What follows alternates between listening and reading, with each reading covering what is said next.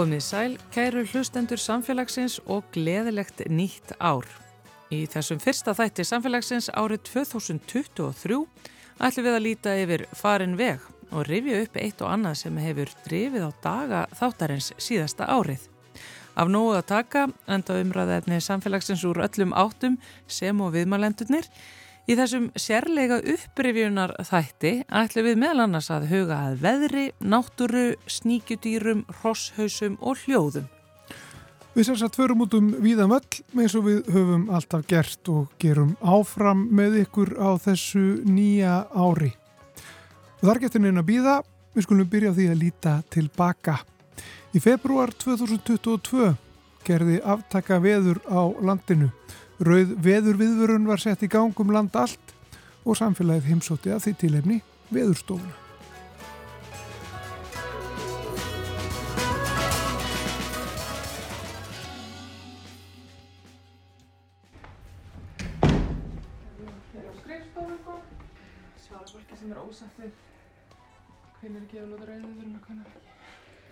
Já, Elin Björk, ertu komið bara í að svara tölvupostum um þess að fólk sem, að, yfir hverju er að kvarta? Já, núna er það sko, eða semst fólk hefur svona spurnir af hverju var rautt núna en ekki á sunnudaginn þegar var verða veður akkurat heima hjá mér. Já. Um, og svarið við því er bara að það var ekki að viðtakt. Já, ok. Af því að áhrifin er það sem skiptir mest máli. Þannig að það að þú sért farin að svara svona tölupostum, það þýðir þá að, að sko, það er aðeins búið að lagast álæði sem hefur verið á okkur síðustu klukkutímana. Já, það er svona, það er orðið betra og við erum líka fjögur að vinna núna sko. Já. Syns að það eru tveir veðfrængarinn í sal og einn heima og, og ég er svona í bara já, svona skrifstofinninni en samt emitt er að fara að fund með hérna, viðbröðsæðarum á eftir og tek fjölmila ef er að skipta á svona Já, hvernig varstu mættið þetta í morgun? Var mættið sjö Hvernig komst þingar?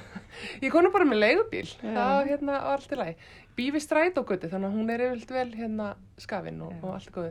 En það var svolítið þungt hérna að komast inn í vestanáttinni hérna, þungi á okkur út í hérna. Já, ég, myndi, ég held að það séu alveg nokkrar hurðar einmitt hérna höfuborgarsæðinu sem er svolítið erfitt að opna. Já, já, þannig að það var svona eitt annað en svo erum við bara búin að vera að skoða það eru þetta ennþá veður sko þannig að erum, það er ennþá veðvarnir gildi og svona þannig að við erum bara, það er búið að vera þetta að vinna í spánu fyrir daginn og svo kemur hríð á vestfjörðum á morgun þannig að það er svo mikið ekki alveg búið þó að það sér vissur að það versta yfirstæði í byli. Já.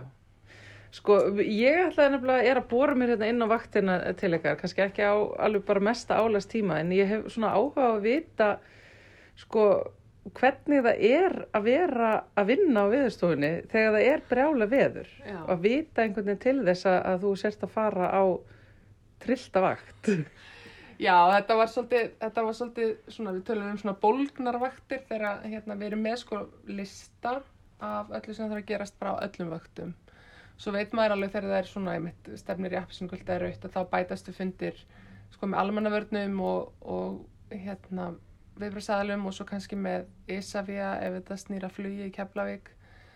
Uh, og síðan sko er alltaf fundur sko samræðsundu veðufræðinga þegar við erum að fara upp á raut við gerum þetta aldrei upp á eigin spýtur sko það er alveg nokkri sem þurfa að vera sammála þar. Uh, já og svo náttúrulega þarf bara að sinna öllum fjölmiðlum og, og öllu. Já, og, og fólkinu sem er, er Já, og fólkinu sem að, skilur ekki hvenar er raukt og hvenar ekki sem er bara eðlilegt og það er alveg sjálfst að svara því sko, þetta, þetta gerum við það. Þannig að hérna, en við erum sko eins og í gær þá var ég á vakt og hérna og þá vorum við sko þrjú fyrir hádegi og tvö eftir hádegi. Og, og svo þegar að sko vaktin sem vennilega fyrir hálf fimm fór heim þá kom sem sagt bakvaktin inn. Þannig að það var aldrei einn á vakt sko. Já, þannig að það er gert þegar það er svona mikið viður. Já, við gerum já, það já. Og, hérna, og bakvaktin var alveg eitthvað framöndir miðinetti og svo var nætuvaktin einn þá yfir hánóttina en þá var líka sko rauða viðurinn gengið um gildi á Suðvesturhóttinu og, og svona veður farið að versna fyrir norðan en, en, hérna, en það var appisinu guld og, og þá og þá er búið að setja út allar viðvarinir fyrir flug og svona líka þannig að þá, þá er svona einfaldar að, að vera hérna einn, en svo, svo erum við með svona dagbók fyrir hverja við bloggum svona hérna skýslur eftir hverja vakt og, og auðvitað var bara nóg að gera sko þó að ja. þó þetta hafa verið orðið rólegra svona yfir miðanóttina, þannig að minni, minni sími, minni ágangur bara fjölmila og, og svona minna verið að, að hérna spyrja sko á þeim tíma. En hvernig er það til dæmis eins og ég, mér var það ekki neitt rosalega söpsamt í nótt Nei. og ég held að það alveg eigi við um, um fleiri. Mm. En hvernig er að vera veðurfræðingur sem er að mæta á snemma á morguvakt og geta síðan ekki sofið um nóttina fyrir vinnunniðinni, bókstarlega sko, að því að hún lemur á húsinu. Já, ég, ég svaf ágætlega í nótt um, en hérna 7. februar þegar var sem sagt rauðaðurinn þá að þá átti að versna svona seint um nótt sko og hámarki var mjög snemma í morgunum og ég átti, minni mig átti að mæta 6, ég man ekki hvort þetta mæta 6 eða 7 en hérna en þá sopnaði ég ekki fyrr en að ég sá að veðri var búin að hámarki. Það var brjála veður og heyrðist mjög mikið en ég steinsvað eftir að það náði hámarki sko. Því þá vissi ég bara að nú spáin gengin eftir, nú get ég sopnað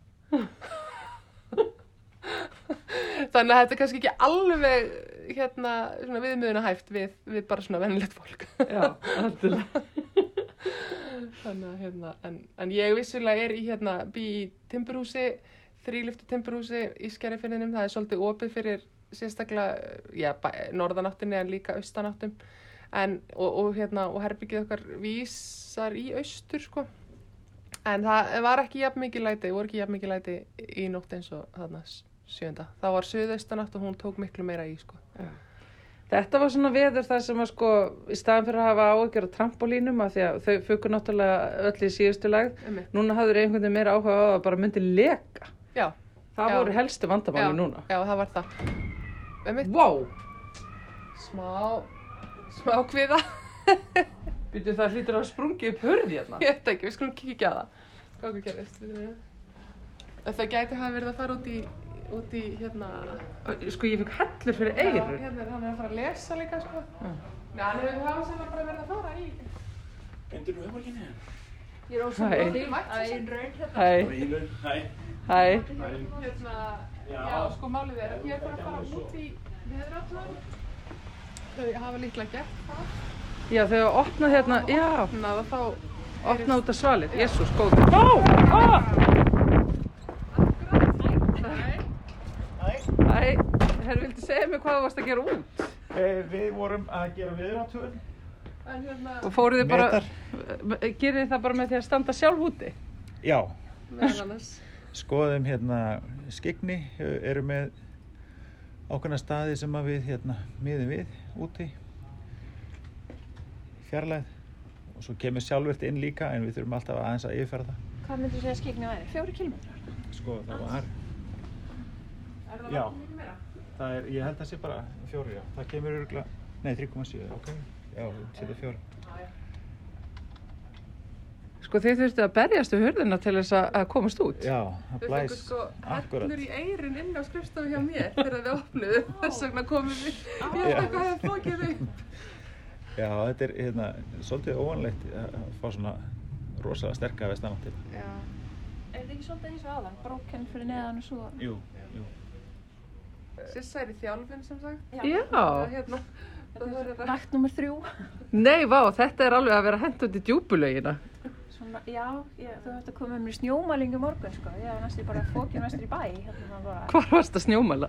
það er hérna, mælreitur hérna fyrir ofan. Já, ymmið. Það var bara, ég stóð næstu, ég ekki lappirnar, sko. Það var- Þannig að það var þá ekki stætt úti. Nei, Hvað heldur að það hafi verið að fara í kviðum? Já, við sjáum það bara. 65 hnúta. Já, það er 32 metrar sem.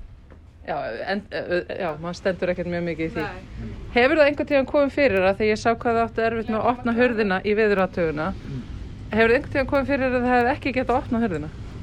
Já, Já. Það er þannig. já, við höfum, við höfum bannað fólki að fara út.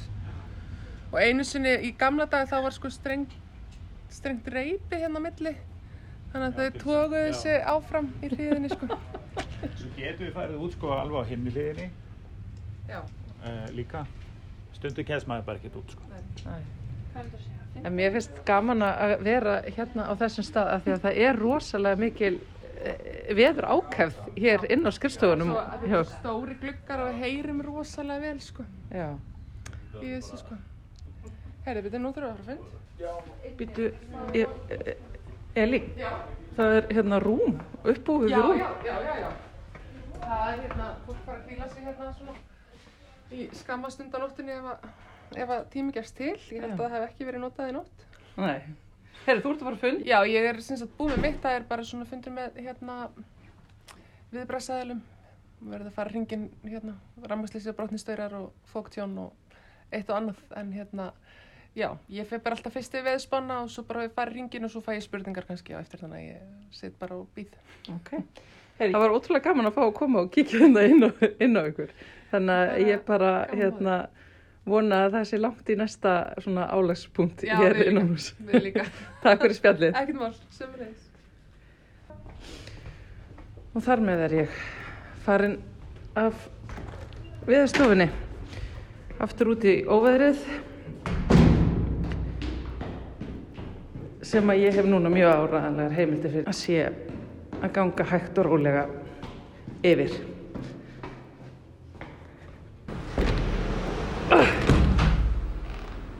Það var komið að því samt sem að reyna að opna hurðina hérna út af viðstofinni. Jésús.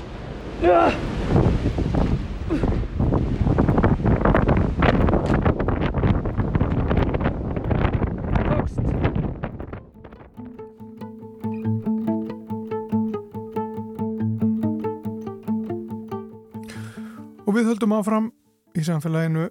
Við erum að rifja hér upp eitt og annað markvert úr þættinum á síðasta ári. Náttúruvísinda fólk er í sérstöku uppáhaldi hjá okkur hér í samfélaginu.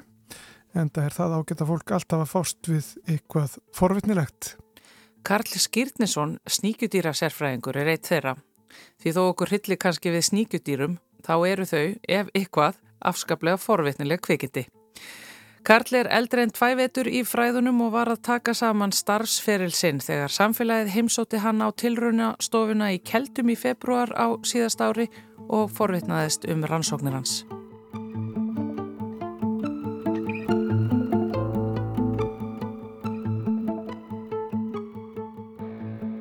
Ef ég á að, uh, að vera mjög grófur og, og segja að við séum búin að uh, kynnast hérna 10% af uh, íslensku sníkjudýra fánunni og það séu 9, 900 tegundir, þá gætum við alveg vel ímynda okkur þegar búið að finna þar allar og, og, og greina að það séu kannski 10.000 tegundir.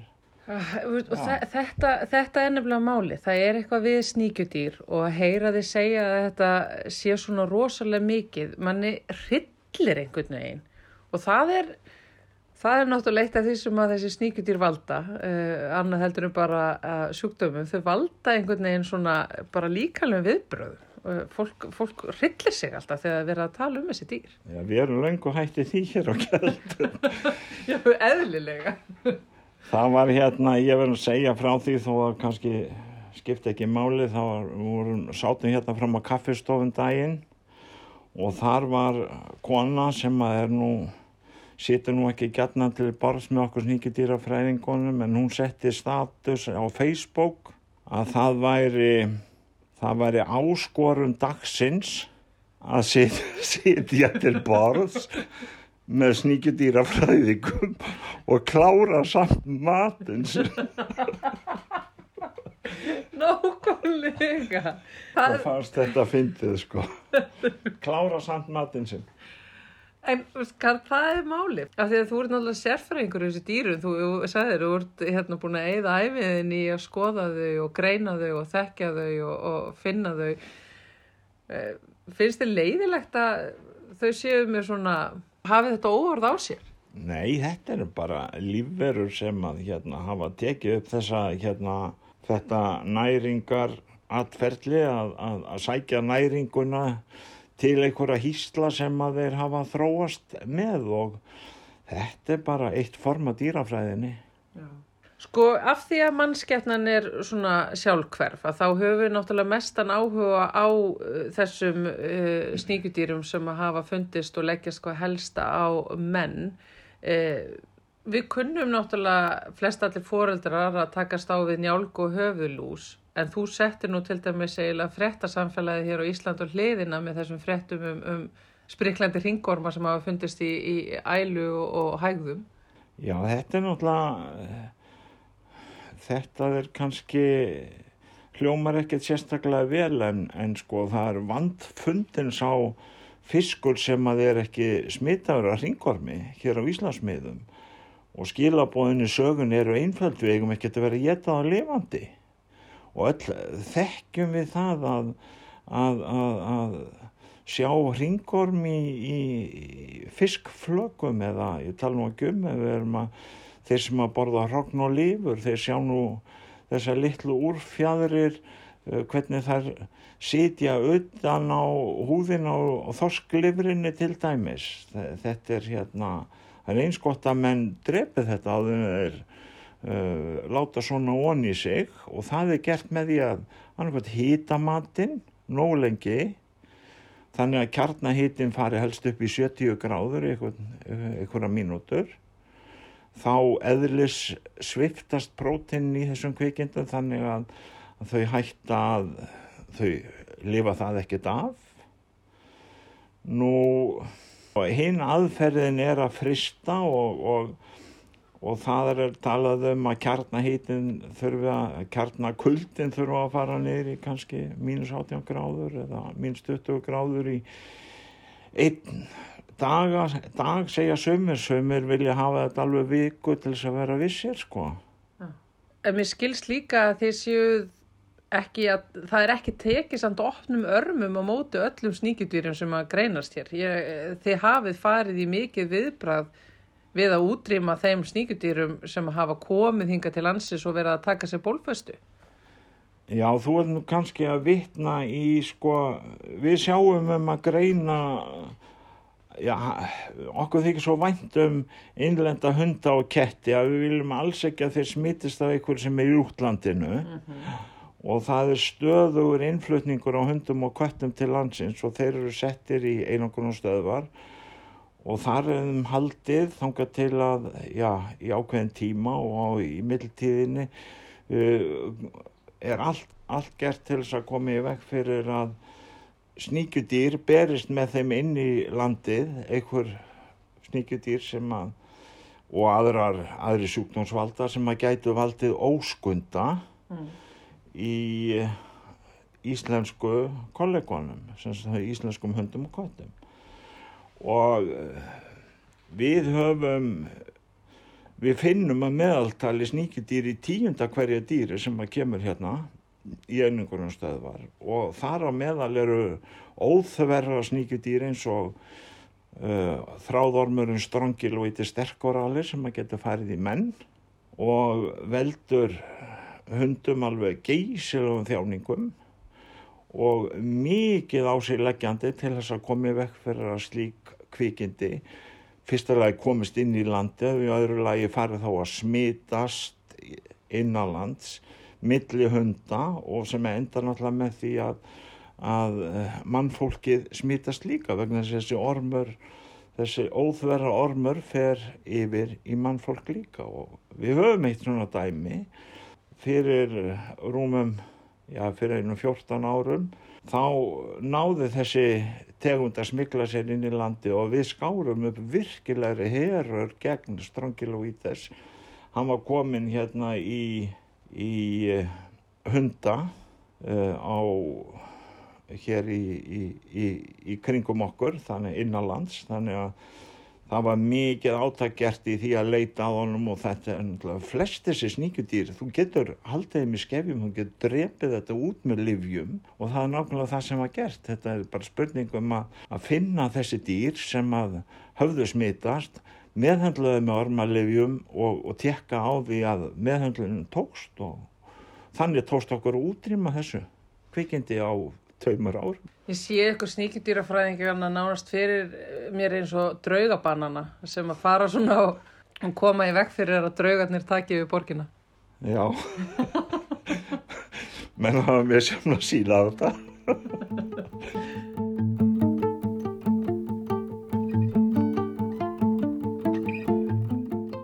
Nágrana erjur á Kjalarnesi í fyrra vor örðu samfélaginu tilenni til að kanna hversu auðvelt það væri að retta rosshaus. Það var nefnilega í tengslu við þetta rifrildi sem rest var svo kölluð nýðstöng, trepiti með afskortnum rosshaus á, en þá vist að kasta bölfun yfir þau sem hún er rest gegn. Samfélagið ringdi nokkur símtöl. Sandra Steinþórsdóttir, eh, kvikmyndagerðarkona. Hún þurfti einu sinni að fá rosshaus. Ekki satt, Sandra? Jú, það passar. Við vorum hérna í, í tökum á myndinni Svarturarleik. Ég held að það sé náður en tíu ár síðan, eitthvað svo leiðis. Og þá er sem samkvæmt handriti og held ég að hafa verið bókinu líka, minnið mig, að hérna neggandi hesshaus eftir að þeir eru hérna fyrra ennist búin að að fara í hestús uh, ég fór í það að reyna að finna hessus og var með mikið metna nýbyrjuði í bransanum og alltaf heldur betur að sína fólkinu hvað ég var í hérna geti nú retta þessu verandi úr sveit og hestakonna en það var bara þetta var bara vonlist alveg dæmi. Já, það er bara þannig.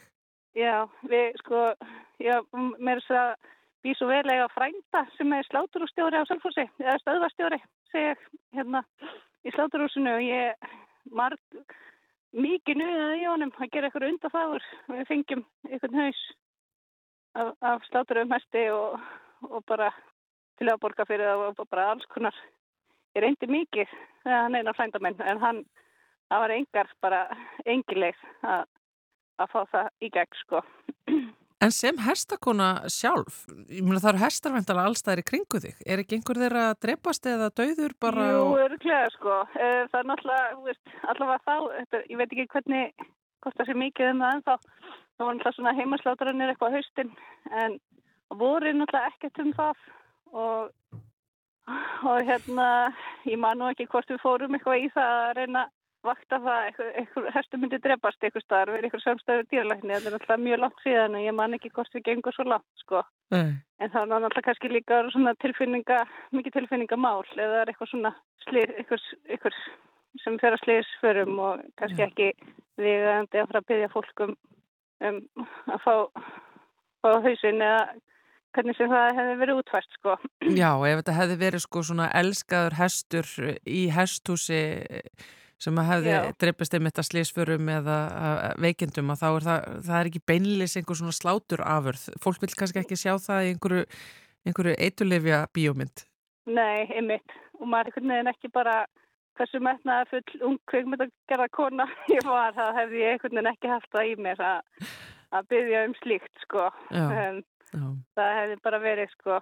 En svo um haustið, sko, svo bara ljúkum við tökum hann að eitthvað tíma vorið og það var ákvað að geima þetta aðrið bara og, og þá voru svona einhverju heimasláturanir og að fara í gangum haustið og þá hafði ég samband við Óskar manni, leggstjóra og þá vildi hann ekkert gera í þessu sko, hvort að sem að að hvað ástað var að hann að byrja að klippa myndina og hann hefur kannski bara ekki fundist þörfa á þessu skoti sko, bara á þeim tímafondi ekki fundist þetta að vera nöðsulegt. Nei, þannig að þetta bara endaði á því að fara ekkert í myndina. Já, það var bara þannig sko. Er þetta með svona, svona flóknari og blóðugustu verkefnum sem þú tekið að þér í, í þínu starfi? Sko, akkur þetta aðriði já. En hvað var það, var það þetta já? En ég held að svona bara til þess að bæta því við að ég er ekki vissum að í dag, núna tíu árum síðar, þú veist, er þessi leið farin að reyna að finna lifandi hessu sko. Ég held bara einhvern veginn að bara leikmyndagerð og, og hérna eftirvinnsla og allt sé bara einhvern veginn komið á annan sað að, að það væri alveg hægt að útfæra þetta öðru vísi sko, myndi ég halda. Já, já. Og það verður sér frængur því. Nei, allt er náttúrulega hægt í kveikmyndagerarlistinni. Sandra Steinþórsdóttir, eh, kveikmyndagerakona, takk kærlega fyrir spjallið. Já, takk sem við leiðis. Ég er ennþá að leita að uh, haus af rossi og með dattug, ef manni vandar eitthvað svona kjött, þá bara fer maður í kjöttbúðina. Þannig að ég kom inn hingað með Björn Mikael Karelsson hjá kjöttbúðina á línuna. Sælvertu Björn? Já, sæl og blessuð. Get ég keift hjá þér uh, rosshaus? Já, sko, það er kannski frekar hæpið að framfylgja þessar fyrrspörn. Við höfum fengið hann áður, oftast í slátúru sem eru, eru hausunum bara einfallega hent, sko. Mm. Þannig að kannski frekar hæpið að geta framfyllt uh, þessari fyrirspurn. Já, þannig að ég geti bara ekki komið inn til þín og sagt bara já, ég ætla að fá hérna hjá þér eina nautalund og einn hrosshaus. Uh, já, þú getur fekið nautalundin en ekki hrosshusin kannski. En uh, annað fólkdakjöld eru við með. Já, í álfurunni, er fólk að spyrja ykkur um þetta? Við höfum fengið svona fyrirspurni, já. Þá aðalega er það bara svona fólk að erlendum uppruna að sem, sem er að spyrjast eftir svona hlutum bara til þess að geta búið til einhverja rétti úr heimalandinu sínu bara, heil, bara uh, til dæmis bara elda, elda hausinn heilan og geta það sem hægt er að geta á hann Já, hefur þú smakkað það sjálfur? Nei, ég reyndar ekki smakka það ekki, ekki hrossfurs allavega bara, bara hefðbund að sviða að kemma og eitthvað svo leiðis bara Er þetta fyrðulegustu fyrirspurnindan sem að þið fáið þarna hjá okkur? Uh, já, ég Ég myndi segja það. Já, heyrðu, þannig að það er ekki kjötbúðin sem að rettar mér með þetta en, en ég get fengið flest allt annað aðna hjá ykkur. Uh, Já. Takk hérlega fyrir þetta Björn uh, Mikael uh, Karelsson hjá kjötbúðinni. Takk fyrir spjallið. Já, takk fyrir sögumleis. Þá er ég komin í samband við kjötafurðarstöð Kaufélags Skakfyrðinga. Ræði þar við forstöðumann Ágúst Andresson. Sælverstu Ágúst? Sælverstu. Myndir þú geta retta mér uh, rosshaus? E, nei, það þarf allan að vera ákveðið ferli sem undanfari því því að við vísum svona fyrirspöldum sem við vissulega fáum annars lægið varðandi ímis svona tilefni þá einhver svona sem annars er úrgangur frá sláturhúsunum að það sé verið að beða um að fá nót fyrir þetta í eitthvað skonar verkefni að þá vísum við því á eftirlitstýralækni sem oftast vísa því áfram til hérastýralæknis til, til umsagnar og þá fáum við skriflegt samtíkið að leiði til þess að láta eitthvað svoleiðis fara út úr sláturhúsunum. Þú segir að það komi öðru hver upp og það sé verið að byggja um eitthvað svona. Hva, hvað er, vil fólk fá úr sláturhúsum annað heldur en bara afurður sem að þið skilið fullbúnum út í búð? Sko það er svona alveg til í dæminu að það hefur sko þurft að fá einhvers konar eh, hvað maður ára að segja props eða leiks, leikmunni í einhverja bíómyndagerð og eitthvað svoleið sko og en svona svo er líka talsett um það að til að mynda refaskittur byggja um það að fá sem sagt æti eða sem sagt það sem er leggja út fyrir hérna tóur á, í veiði skap sko. Já. Og þetta þarf alltaf að fara þessa leið. Þetta er ekkert eitthvað sem ég geti bara komið þarna baktera megin og bankað upp á og, og, og, og fengið. Já, það er, það er alveg skýra reglur hjá sko afverðastöðunum að við látum ekkert svona frá okkur sko nema að sko við getum algjörlega hafnað þessu og haft, höfum alveg fulla forsendu til þess að hafna þessu bara á okkar, okkar forsendu sko á þess að bera það undir einn eða neitt sko. Mm. En þegar það er kannski færið einhver rauk fyrir því í hvað tilgangi þetta er að þá vísu þessu til, til dýralæknaðum að þeir takja ábyrð á þessu en þess að allur úrgangur og allt sem fer frá sláturhúsunum það þarf að fylgja því sagt, fylgiskjöl og það getur bara farið á viðukenda móttöku staði fyrir slíkan úrgang. Allt annað er bara bannað. Sko. Já, þannig að þú ert þarna að lýsa alveg tölverðu svona bjúrokrasju ferli kringum uh, það að, að fá sér eins og einn hrosshaus. Já. Uh, takk hjá fyrir þetta Ágúst Andresson, uh, forstuðumadur kjöttafurðarstöðvar uh, Kaufélags Gagfyrringa. Já, sjálfsagt mál. Já, það verðist vera að uh, ef maður er að leita hrosshaus þá renni öll vött til dýrafjörðar eða öllu heldur uh, dýralæknana, héraðstýralæknana.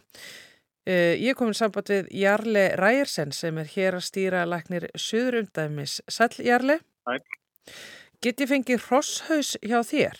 Uh, þú getur alltaf fengið hrosshaus en, en uh, þá viljum við gætna fá upplýsingar um hvað þú alltaf notar, nota ný. Um, við höfum nota nota það kerfi að, að viðkomandi sem, sem óska eftir að fá hrosshaus eða önnur líffæri að þeir sækja um, um, um og býður um að fá aðeins svona svona mörg líffæri eða þessuna hrossausa og, og þá er oftast þessi leiði eru veitt þannig að, að það er í tengslu við, við, við kennslu eða námskeiðshaldi eitthvað svoleiðs og, og við erum þá að beita þessa leiði Í, í, með ákvæmlega skilurum að, að við komum þess að með ábyrgi fyrir að, að taka við þessu, þessu auka aðverðu úr sláturúsum þau skuldina sem þá til að farga, farga lífærin eftir núrkuna og tryggjulegin hafa. Þannig, þannig að þið reynaði að koma þessu sagt, þá samkvæmt svona ákveðnum reglum í hendurnar á ábyrgum einstaklingum? Já, það er, það er mikilvægt að því tilgangin með því að, að, að ekki bara uh, láta liðfæru úr sláturhúsum út um víða völd er að til að gæta ákveðna smittvarna. Við veitum ekkit alltaf hvort að, að sláturúrgangi geti fylgt ákveðna smittætt. Smittætt þá fyrst og fremst í önnur dýr, ekki endilega smittætt fyrir, fyrir fólk og neyslu og kemur því ekki við en, en almenna og viljum ekki láta þetta fara allstaðar ábyrða löst. En það hljómar alveg að þó að það séu miklar reglugerðir til um þetta eh, að þá hljómar þetta nú alveg svona að þetta sé alveg hægt. Þú veist, þú gætir alveg fengið hrosshaus og jáfnveil þó þú myndir enda á að nota hann í eitthvað sem að kannski eh, væri ekki æskilegur tilgangur. Ég auðvitað er alltaf, alltaf hægt að komast fram hjá, hjá reglur og, og, og, og verklag. Eh, þannig að, að, að þegar þú ert búin að pæla nægilega mikið í þessu og viljin er fyrir hendi. En, en tilgangun er náttúrulega til dæmis að eða veri enga reglur um förgun uh, sláturafur til dæmis. Hvert færi þetta þá? Færi þetta bara í, í, í, hér og þar, grafin hér og þar, uh, almenlega húsasort, uh, hvað það er. Það er náttúrulega hlutur sem við viljum ekki sjá. Fyrst og fremst út af smittvarninar en líka bara umhverfis og umdæmislega, umhverfislega viljum við helst ekki sjá svona, svona meðferð og, og ósámi að mínum að. Já, einmitt. Aðteglisvert, Jarlega, ég sé að ég allavega í dag kemst ekki lengra í þessari leit minni að Rossaus en ég er orðin margsvísari um hins vegar uh, það hvernig maður getur mögulega fengið hann. Það er allavega ekki hlaupið að því, svo mikið er víst. Það, það á að geta vera það. Nei. Jarle Ræðisen, uh, hér að stýra leknir uh, hjá Suðurundæmi. Takk kærlega fyrir spjallið. Takk sem að leiðis. Og áfram höldum við hér í samfélaginu, við erum að rifja upp eitt og annað sem heyrðist hér í þættinum á síðasta ári. Það er á meðal skringileg hljóð.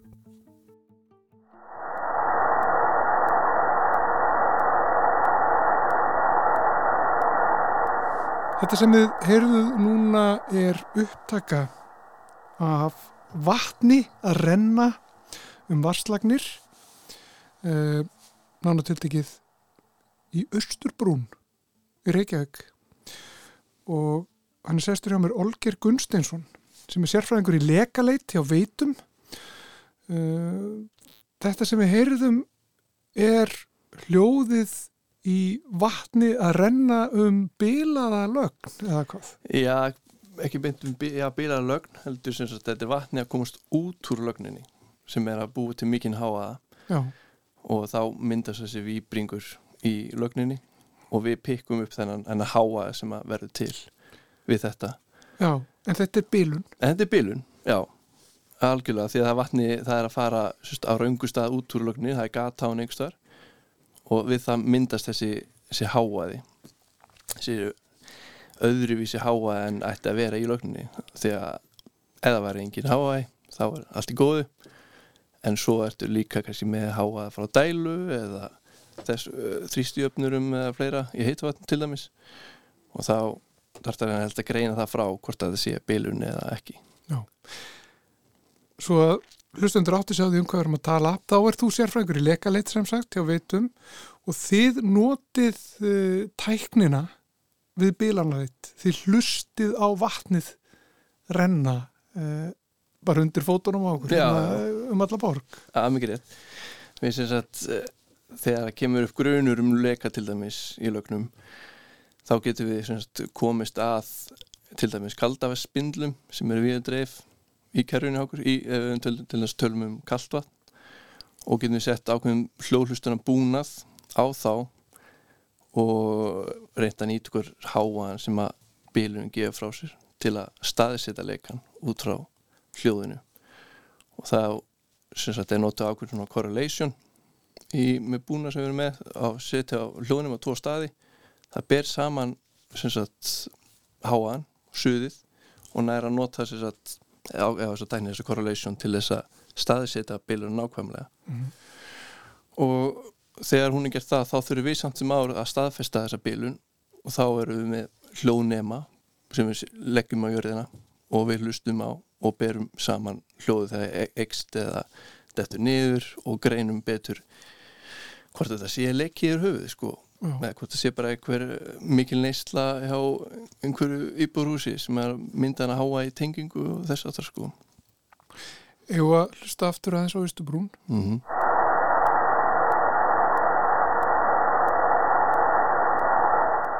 Hvað er að gerast það?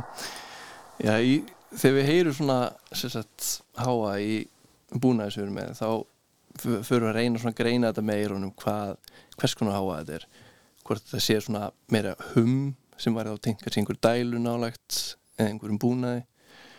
Ofta sé bilinu svona þessi beitt, beitti háaði sko eins og það heyri í þessu. Þetta er ekki svona ekki gull til þess að vatni eða þetta er ekki umferð, þetta er ekki að koma svona rum, rum í mismundi þetta er mjög stabílt til dæmis. En þessi háaði sem við erum með þarna til dæmis, þetta kemur frá ákveðum búnaði sem við erum að setja niður mötum út um allan bæ ákast að kalda við spindla og þeir sem sagt mónitora fyrir okkur hlusta á einu svona nóttu og senda á okkur ef þeim finnst vera mikill háaði í, á þessu spindli sérstaklega. Og út frá því ef að eins og því þessu tilfelli þá er mikill háaði honum sem að við komum svona daginn eftir og förum yfir kerfið bara í tölunni og hlustum á þetta og við förum á svæðið og leikaletum nánar sem það svæðið, það sem er grunnur er um leika Já, og er þetta, hvað var í gangi þarna? Manstu það? Um, já, þetta var komið ljós sem sagt að við notum sem sagt þannig búnað aftur, hvernig correlation búnaðin til að staðsita leika nánar og hann sendir okkur á stað þar sem að er tenging við heimahús en við heyrum engan háa í tengingunni sjálfur þannig að við þurfum að fikur okkur áfram með heimaæðinni, kvöldaðis heimaæðinni og það kemur ljós að það er gata á henni semstu vrettur utan hús sem það er að grafa niður og gera við. Og það var háaðin? það var háaðins sem að ferðast með stálinu sérstaklega alla þessi leið í spindilin sem við byggum upp. En Olgir uh, Gunnstensson, það var gaman að fá því heimsókn. Já, virkilega gaman að koma. Takk fyrir að, að taka með þessi fallegu hljóð og lefa okkur að heyra þau. Og gangið vel. Takk, takk. Að, að finna leka í, í vasskerfunum okkur Já, takk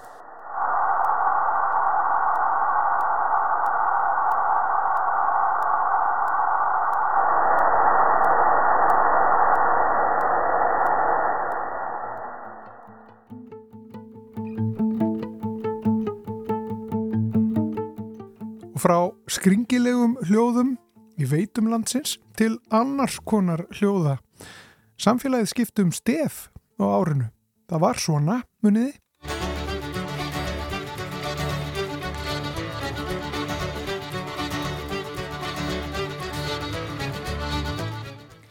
En er núna svona?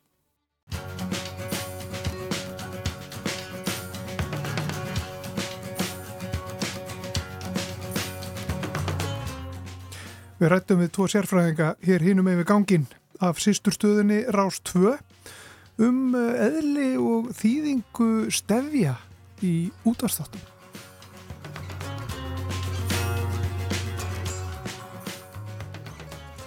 Það er ekki endilega auðvilt mál að finna uppafstöf fyrir þátt eins og samfélagið.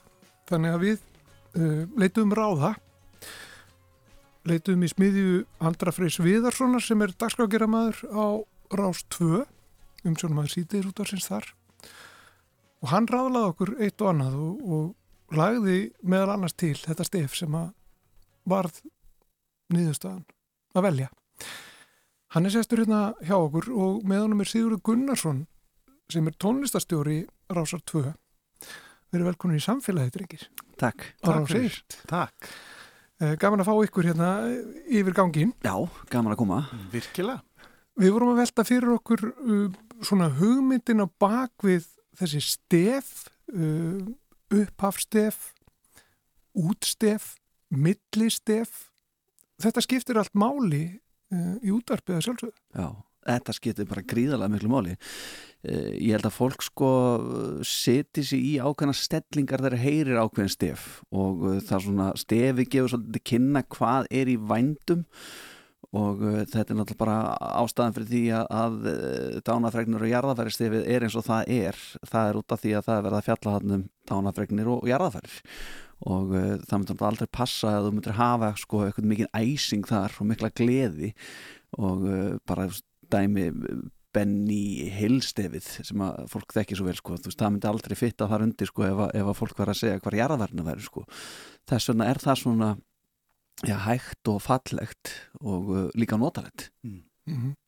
Stefið setur tónin sko fyrir já. það sem koma skal sko Já, sko þegar við leitum undir þín Andri já. og þá varst þú með langan lista já, og alls konar hugmyndir og þetta átti allt saminlegt að vera svona mm, já, mér fannst daldi samfélagslegt, sko, það já. var eins og þú væri búin að hugsa þetta uh, það sem þú lagði til það er svona, ég, það skiptir tugum mm -hmm. uh, til og þetta skiptir tugum en, en, en þetta er svona margt að þessu átti mjög vel við er þetta eitthvað sem að svona, ert þú með sko, þú sérstaklega áhuga maður um Já, um, ég, um stef, það ekki? Jú, ég myndi að segja að ég var á okkurna svona rófi hvað stef var það sko og hérna, alltaf maður heyrir eitthvað lag restaklega það er ósungið þá fem orður að hugsa um sko hvað geti þetta verið sko og svo hefur maður stundum heyrt eitthvað lög og þá er bara reynilega sko dasgráliðir fæðist sko að því að þá heyrir maður eitthvað lag og þá er eitthvað ákveðin stemning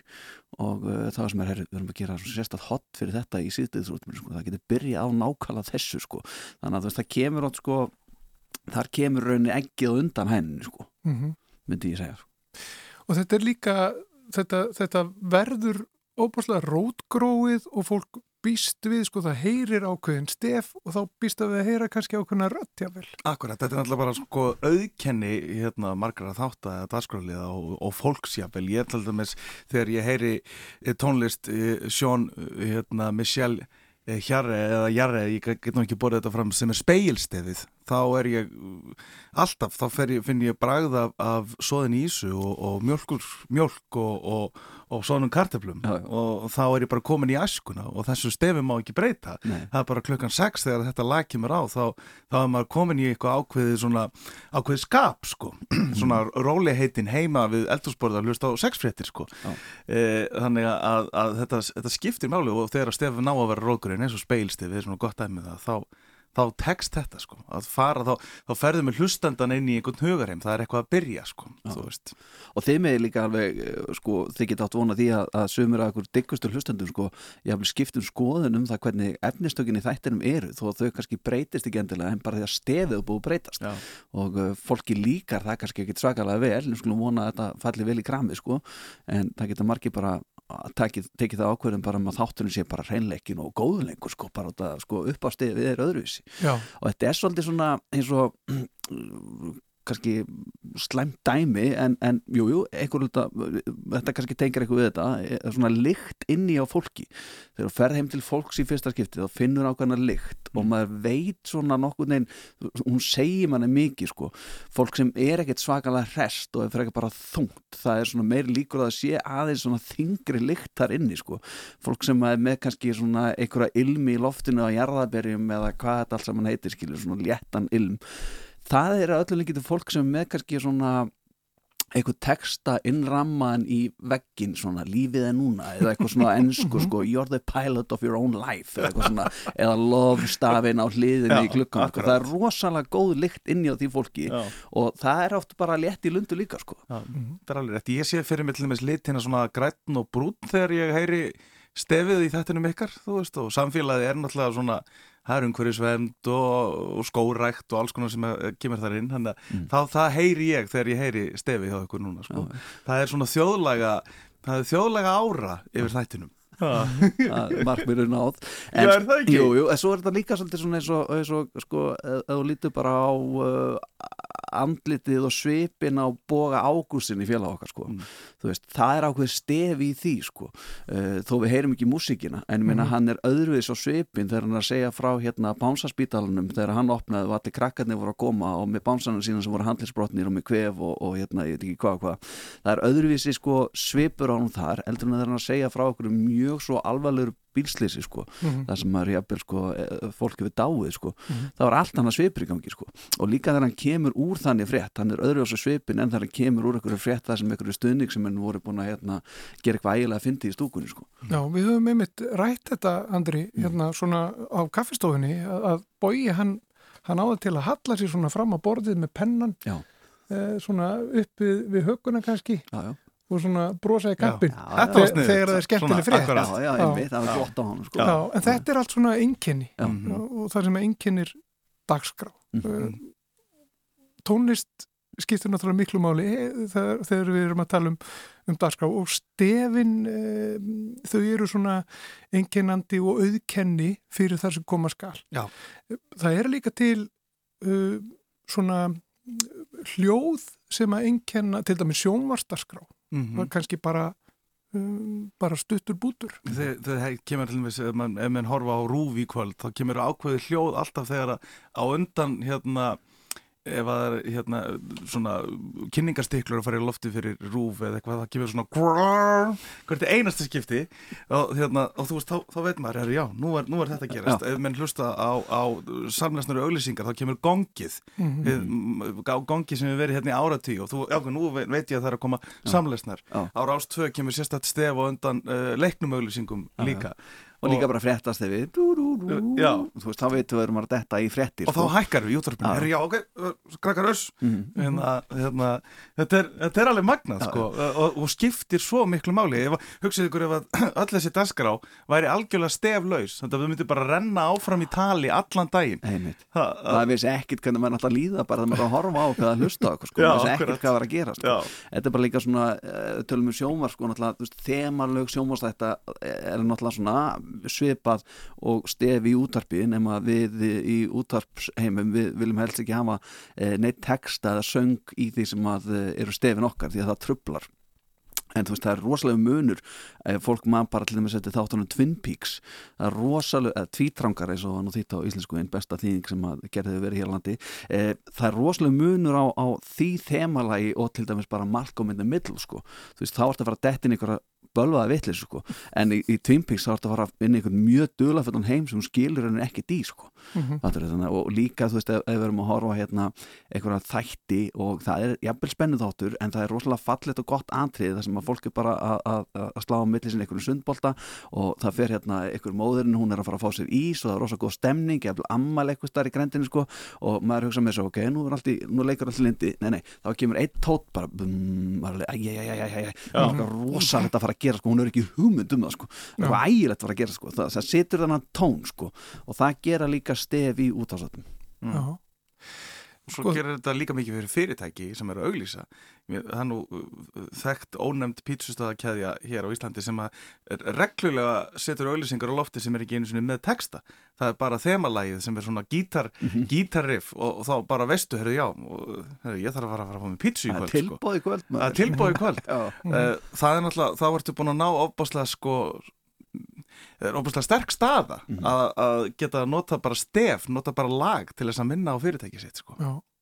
En þegar við fengum þennan lista frá honum andarreið og hlustuðum á, á, á þessi stef sem kom til greina þá voru náttúrulega mörg sem komi ekki til greina Mhm. um, og það var til dæmis vegna þess að sko það var of fjörugt Já. eða það var of rólegt Aha. eða það var of svona um, mann langaði mikið að dansa Já, já, já. en ekki bara sitt og hlusta.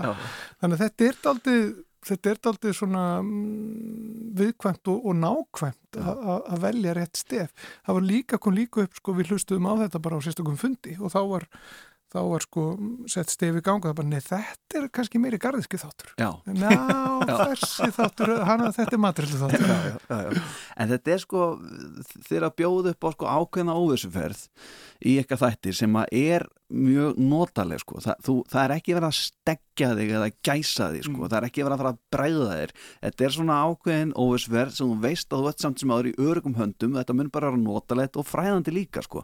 og sum stefan og líka sem að ég leta grafa og svona mert sko þetta er fyrir mjög forvitna sko Einmitt. þetta er líka fyrir forvitna sko en þú veist þetta, ég held að, ég, ég held að við höfum náð, að þið hafa náð góður lendingum að velja akkur þetta sko Mhm. Mm, þú veist, þú ert í örugum höndum kemur þegar að þessi, þetta þjóðlega skotna stef kemur. Já, og sérðu mitt bara að notalegu liti grænan og brúnan Já, og já, þú ert komin út í skó og bara já, þetta ganga eftir svona kurluðum stíg og, og inn á milli trjána leynast forvetnilegi hlutir. Það er það sem að mjög gerist sko. góð lautar þær sko. Mjög, með svona ómæntum upplýsingum sem maður aðeins bara ekki hugmynd um sko. Eru þið, eru þið uh, hugsið þið með hlýju sko tilbaka um ákveðin stef?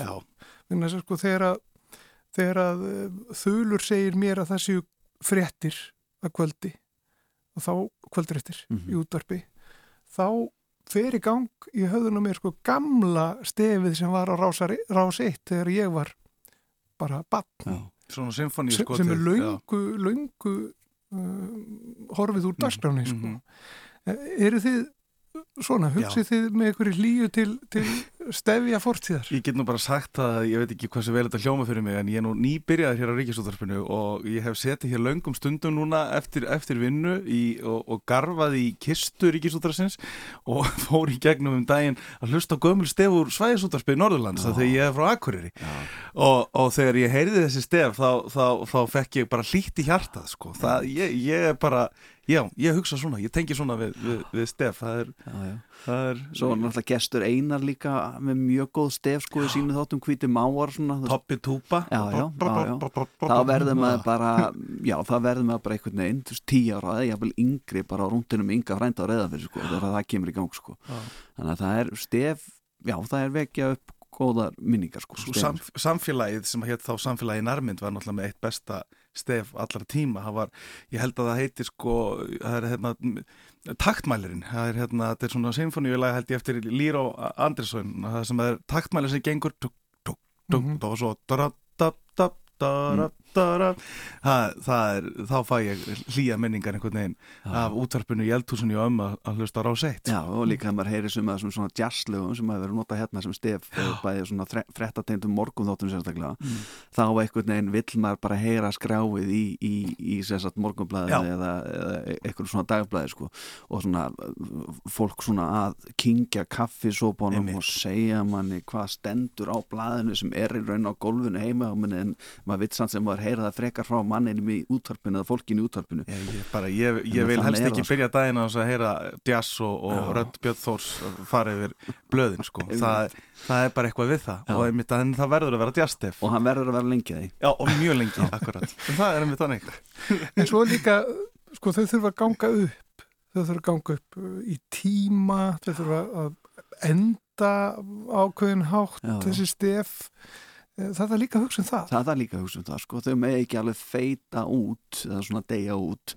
Uh, það er mjög gott að enda á okkur um ákunni þannig að þið getur svona, já, og af stað þá er þátturinn hafin Mhm. það er svona, það er líka ákveðin kunst í því sko. Ég byrja enn betra ef að endar á einhverju ákveðni melodíu sem að sko ég vorum búin að finna íslenskt orðið verið þetta ennska orðið er Sonic ID sem sagt að endar á einhverju melodíu sem þú tengir við hljóðmerki sem þú tengir við þáttin Mhm. E, og margar útastöður náttúrulega hafa notað þetta þetta er, þetta er, þetta er, þetta er mjög vinsælt. En svo líka ágætt að taka það framvist við erum að tala um svona útastef og, og, og hérna eh, sko, það er eitt sem myndi hérna bara leiðin í vinnuna að því við sem var að koma hérna og, og spjalla við ykkur um þetta alls saman að, að sko sum hljóð og sum sumar tíðnir fara verri í ákveðin aldurshóp heldur en kannski annan sko, yngra fólki sko þólir öðruvísi tíðnir heldur en þá, þeir sem eldri eru.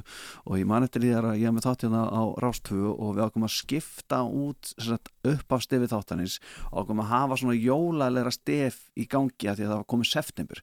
Og við notum sem sagt eh, Jingle Bells eh, og- svona ósungna útgáfa af Jingle Bells sem að var af plötu sem heit Funky Christmas. Og það var rosalega mikil saxi sko og fólk sko það ringdi yfir okkur kvörtunum sko.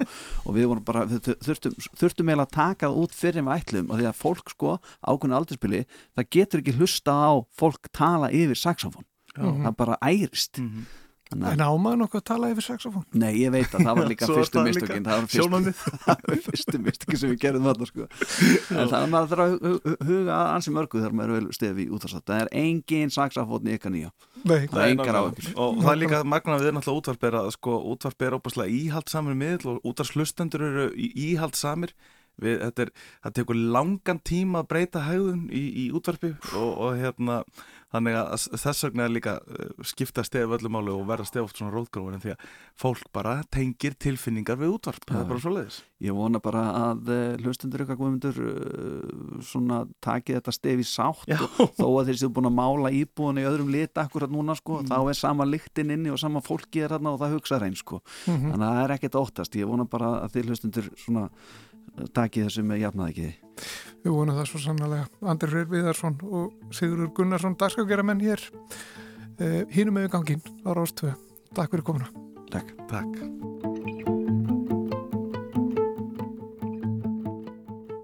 Og þá er þessum sérstaka upprifjunar þætti samfélagsins lokið.